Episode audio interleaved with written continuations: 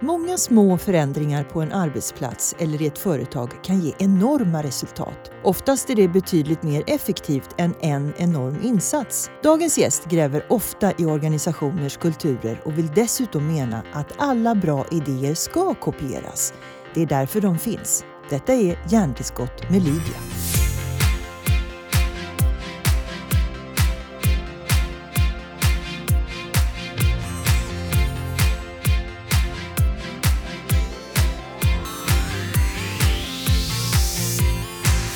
Hej Lisa, välkommen hit! Tack så jättemycket Lydia, kul att vara här. Ja, vad roligt.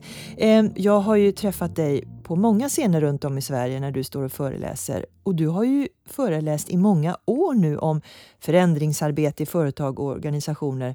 Men ofta med devisen “svårt är kul”. Mm. Och, och, ibland ler folk när de hör dig och ibland kan jag tänka mig att det är provocerande. Hur kan man stå och säga att svårt är kul när svårt kan vara jättejobbigt för människor? Ja, alltså eh, förändringsarbete brukar jag byta namn på och säga förbättringsarbete. För jag tänker någonstans att det handlar inte om att vi ska förändra saker som är bra, utan vi ska skapa en medvetenhet som gör att vi vet vad vi gör. Alltså, eh, då gör vi ju det som vi vet är bra, men det som behöver förbättras, det förbättrar vi.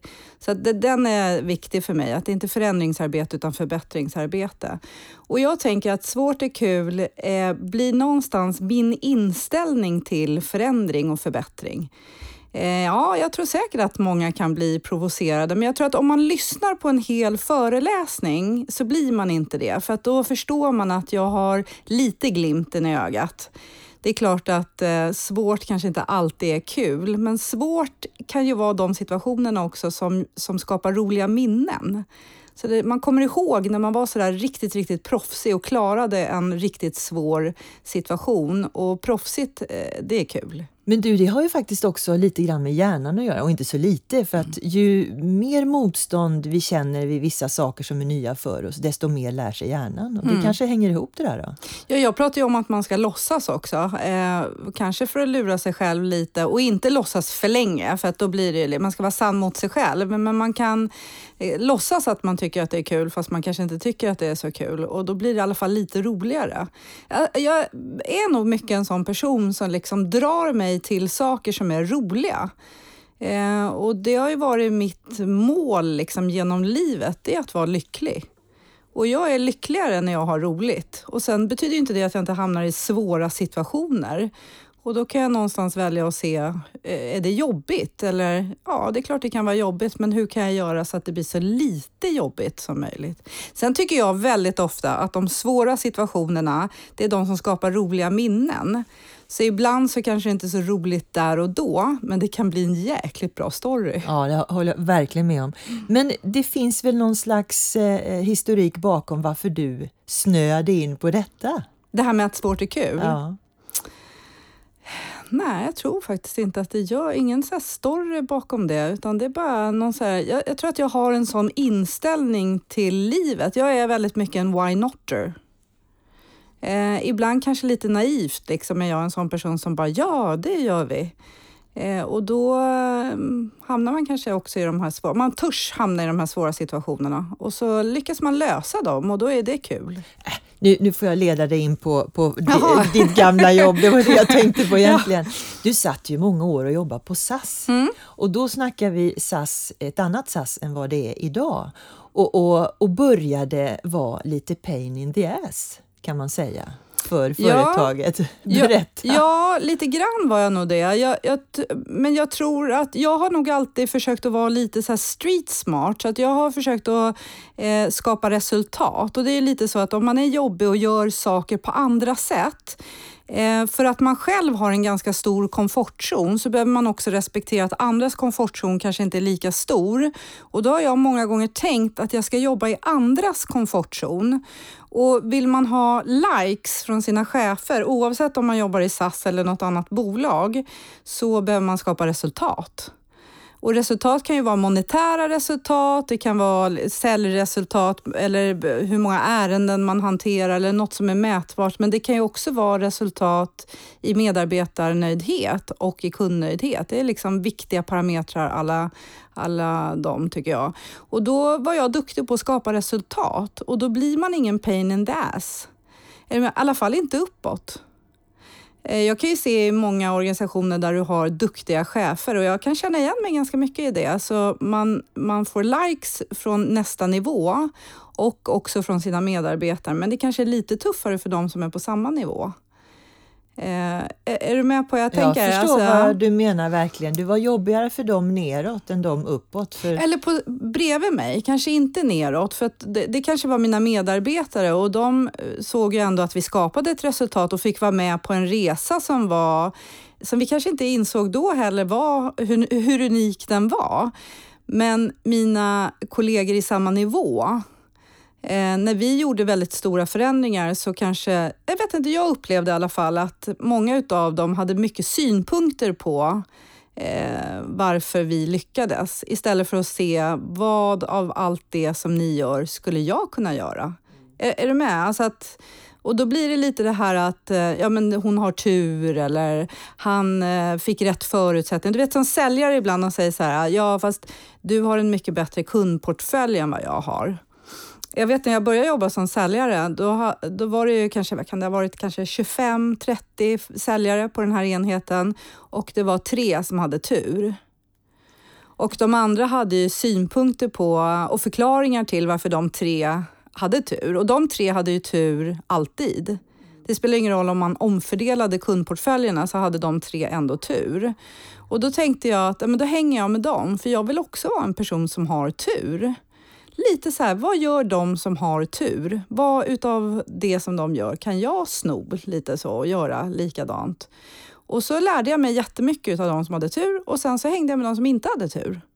Man kan lära sig av dem också. Så lärde jag mig en massa saker som eh, både som de hade synpunkter på, som jag tänkte, vad kan jag göra av det där? Men också saker som de gjorde som jag valde att inte göra eller twista till och göra fast på ett annat sätt. Så. Och för att förtydliga lite, det här var under en period när SAS fick väldigt mycket klagomål på, eh, ja det var en dålig kundnöjdhet dålig mm. service via telefonen. Vilket årtionde är vi här Ja, alltså det här, när jag var på det som vi kallade för Customer Relations, det var mellan 2005 och 2008 tror jag var. Jag slutade, det är precis tio år sedan nu faktiskt som jag lämnade. Men när jag var säljare, det var innan det. Så mm. det var början på 2000-talet.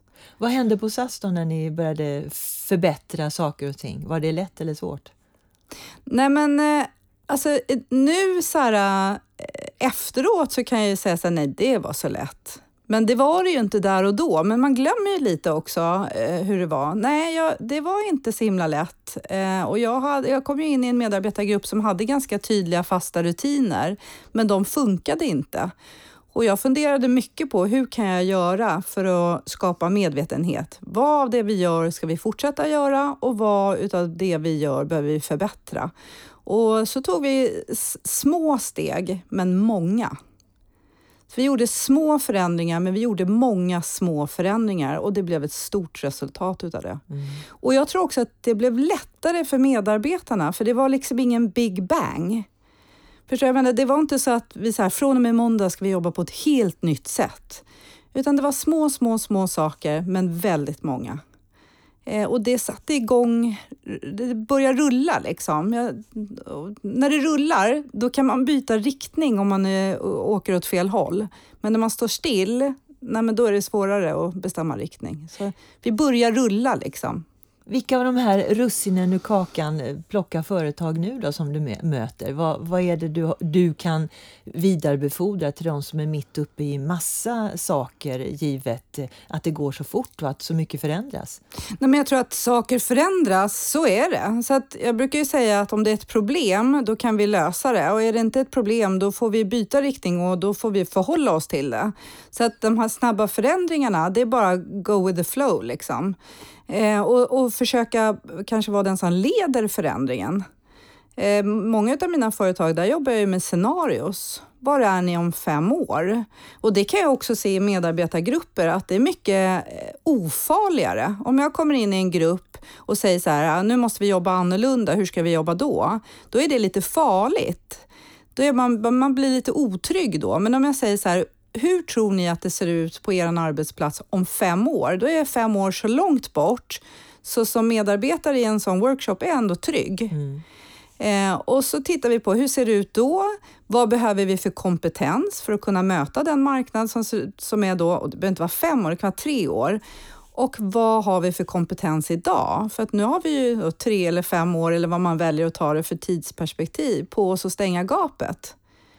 Och det är också ett sätt, tycker jag, att hjälpa människor att vara trygga. För jag tror ju att när vi är trygga, då är vi mer kreativa. Vi är duktigare på att producera. Vi skapar bättre resultat. Vi hittar på nya sätt att göra saker och ting på. Och vi har mycket roligare. Och då kommer vi tillbaka till det att det är roligt att ha roligt. Liksom. Jag har hellre roligt än tråkigt. Ja, jag håller verkligen mm. med dig. Jag tror dessutom, jag måste bara säga, jag tror dessutom att om man är trygg så är det lättare att ta till sig det här att svårt är kul. Då kan det bli lite så här, yes, nu hamnar jag i en svår situation. Hur ska jag lösa den på bästa sätt?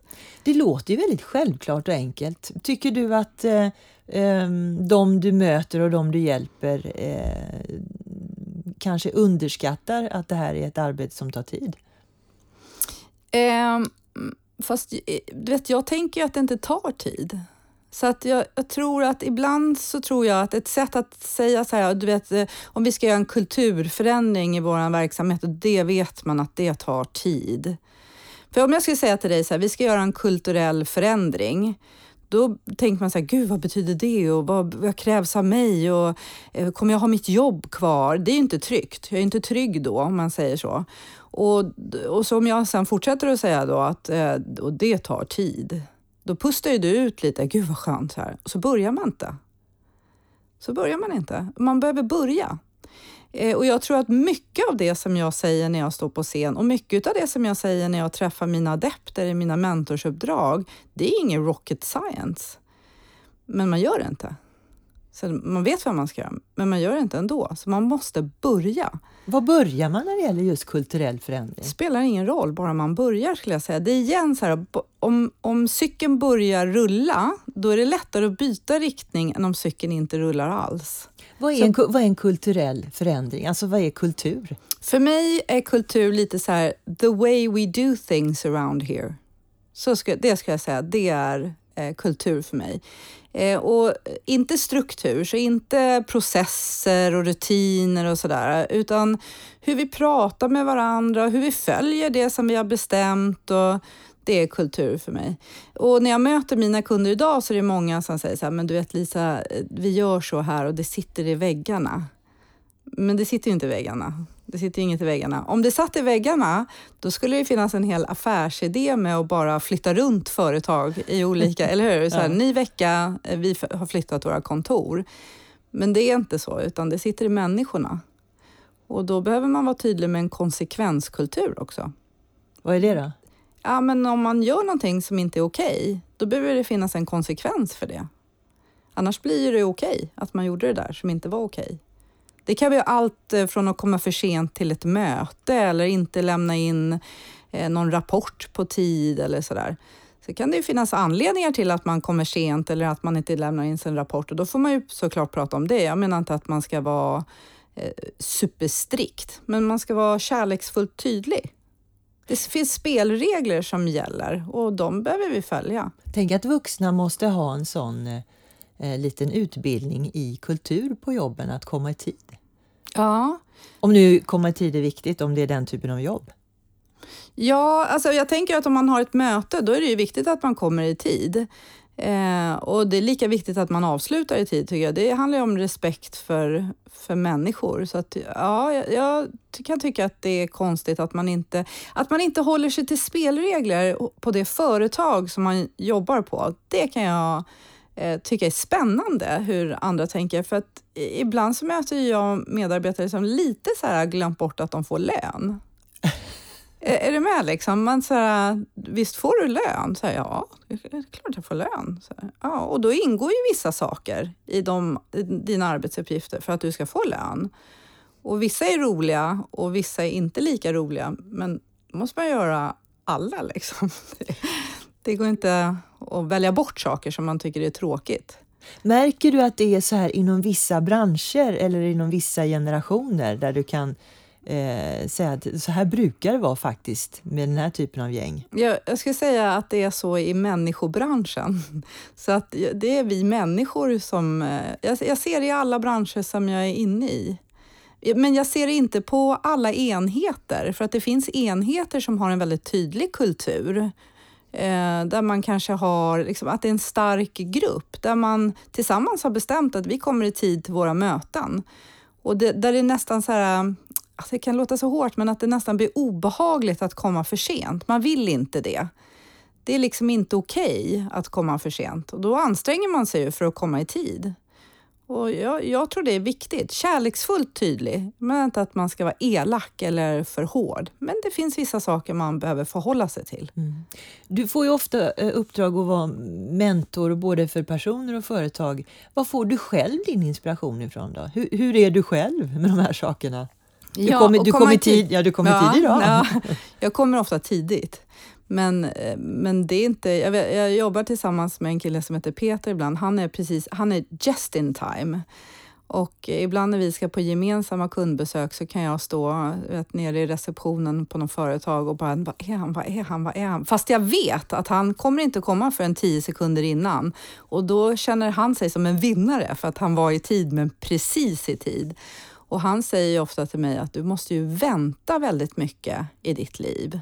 För jag är ofta en kvart, 20 minuter för tidig.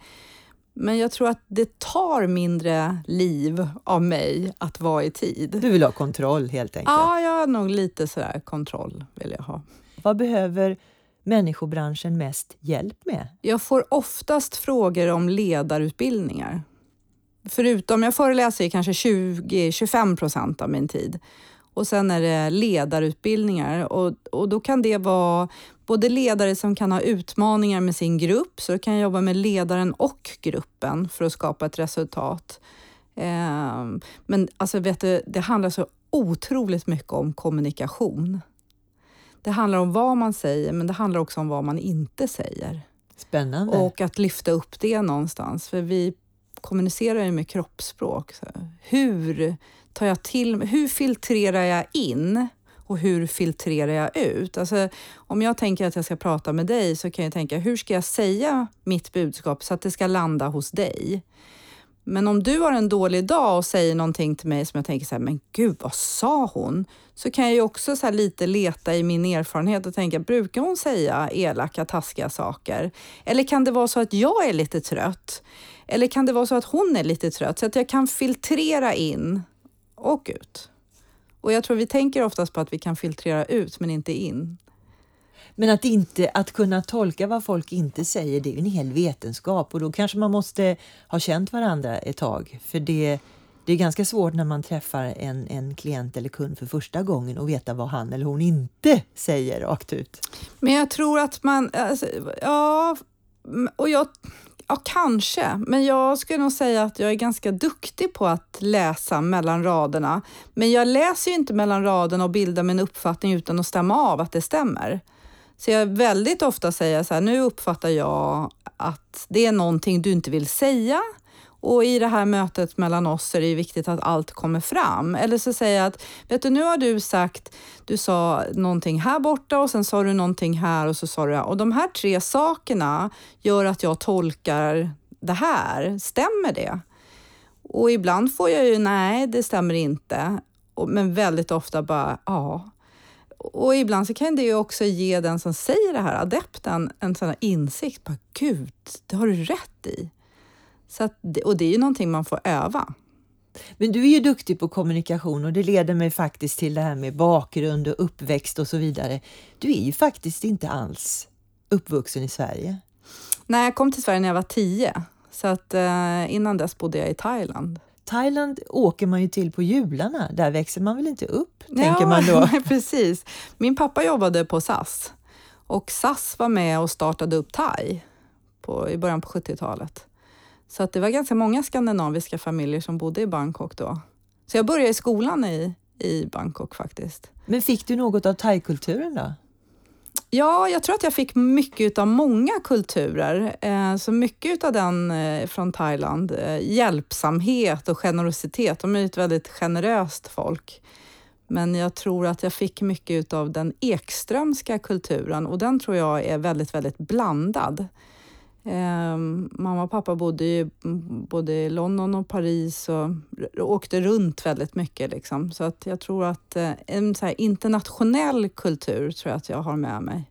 Är, är det, skiljer vi svenskar oss väldigt mycket från eh, andra eh, kulturer när det gäller affärssammanhang? De som du i alla fall har stött på? Ja, jag tror att, eh, ja, det tror jag att vi gör. Eh, men jag gillar ju också att titta på företagskulturer. Alltså att jag tror att man kan koppla så här, svensk kultur, men det finns ju olika kulturer i olika företag i Sverige. Och det finns olika kulturer i olika enheter i företag i Sverige. Det finns en kultur i en familj och en annan kultur kanske i ett kompisgäng. Och jag tror att vi som människor är ganska duktiga att anpassa oss till olika kulturer. Och då tror jag att med min uppväxt så har jag, jag har ganska brett synfält. Jag, eh, min bästa kompis när jag var fem, hon var från Pakistan. Och för mig var det, det var liksom inget konstigt, eller det var inte, utan vi hade ju barn i klassen från alla möjliga hörn av jordklotet. Liksom. Så att, eh, vilken erfarenhet, mm. vilken rikedom. Mm, verkligen. Men, men, du Lisa, du, eh, när du konkar runt med din lilla doktorsväska tänkte mm. jag säga, och hjälper företag så handlar det också, kan jag tänka mig, mycket, för det har du själv sagt, att man ska kopiera med stolthet. Mm.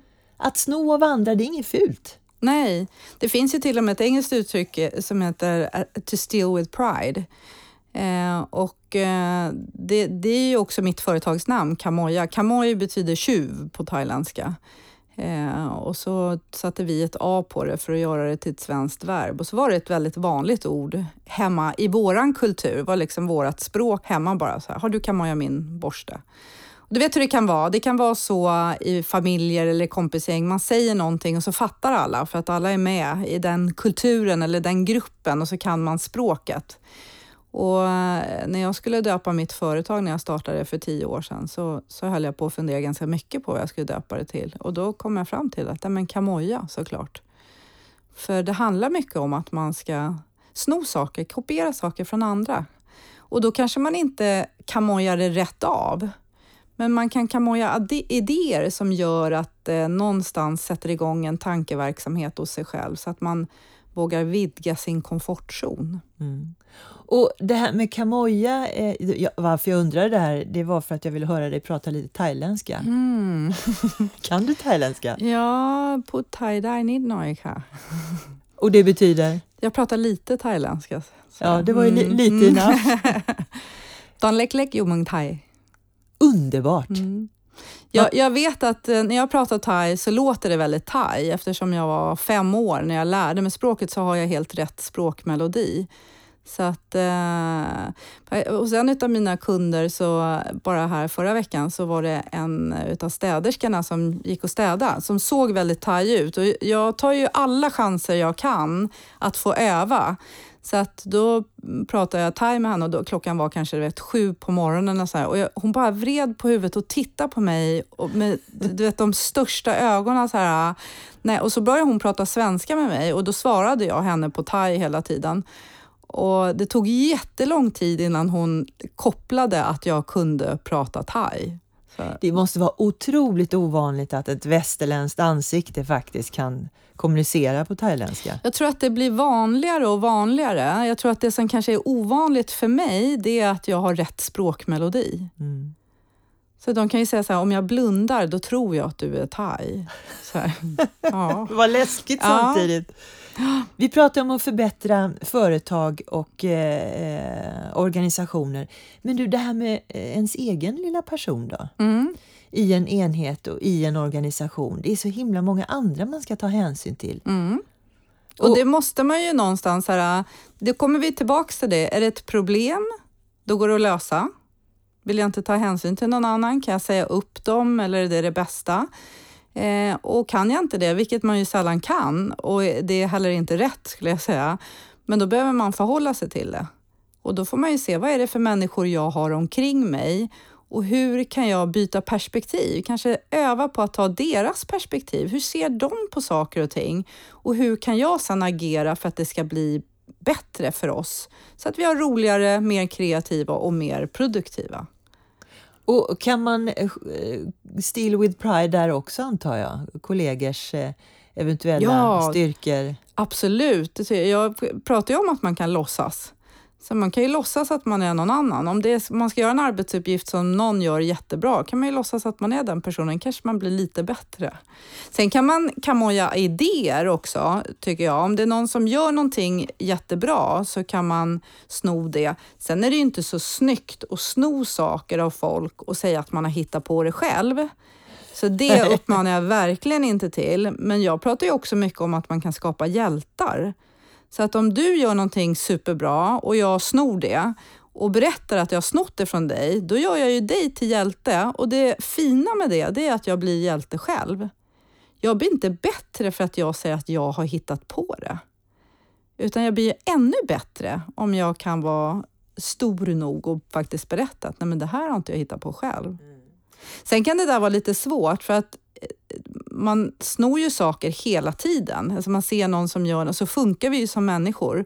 Så att det kan ju vara lite svårt att veta så här, var, var fick jag den här idén ifrån egentligen? Och då kanske man inte alltid kan lyfta upp den personen. Det blir konstigt också när man ska prata om sånt. Och så här, ja, det kan man göra från den och det kan man göra från den. Men någonstans så eh, handlar det, no, för mig handlar det jättemycket om mig själv. Hur, hur vill jag vara som person? Eh, vill jag säga att jag har hittat på saker själv eh, fast jag inte har det? Nej, det vill inte jag, utan jag vill så långt jag kan så är liksom min inställning att vara en bra person och lyfta upp andra. Ofta hamnar folk här framför mikrofonen som pratar om eh, att göra saker och ting som gagnar mer än de själva och bara företaget. Eh, märker du att det är någon, någon, någonting som håller på att hända även bland människor som du möter i mm. företag och organisationer. Att det inte bara att målet är att sälja den här produkten så mycket man någonsin kan. Eh, att det är något mer som händer.